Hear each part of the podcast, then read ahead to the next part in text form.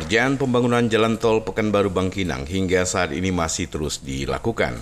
Pengerjaan saat ini masih difokuskan dari arah Pekanbaru pada area sekitar pintu masuk tol Sungai Pinang yang lahannya baru saja selesai dilakukan ganti rugi.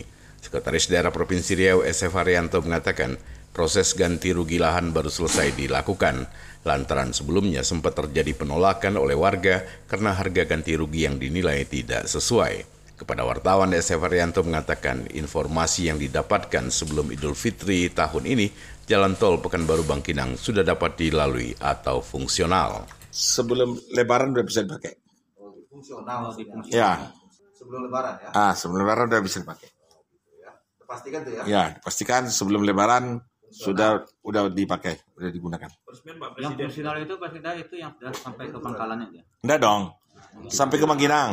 Bangkinang Nanti Bangkinang ke Pangkalan nanti. Sementara itu, PLT Asisten 2 Sedda Prof Riau Aryadi mengatakan lokasi pengerjaan jalan tol di Sungai Pinang tersebut sepanjang 700 meter. Di lokasi ini juga dibangun exit tol. Nantinya exit tol ini, kata Aryadi, juga akan digunakan sementara untuk masuk tol Pekanbaru Bangkinang karena lahan yang akan dibuat untuk pintu tol saat ini lahannya belum dibebaskan akibat masuk kawasan hutan.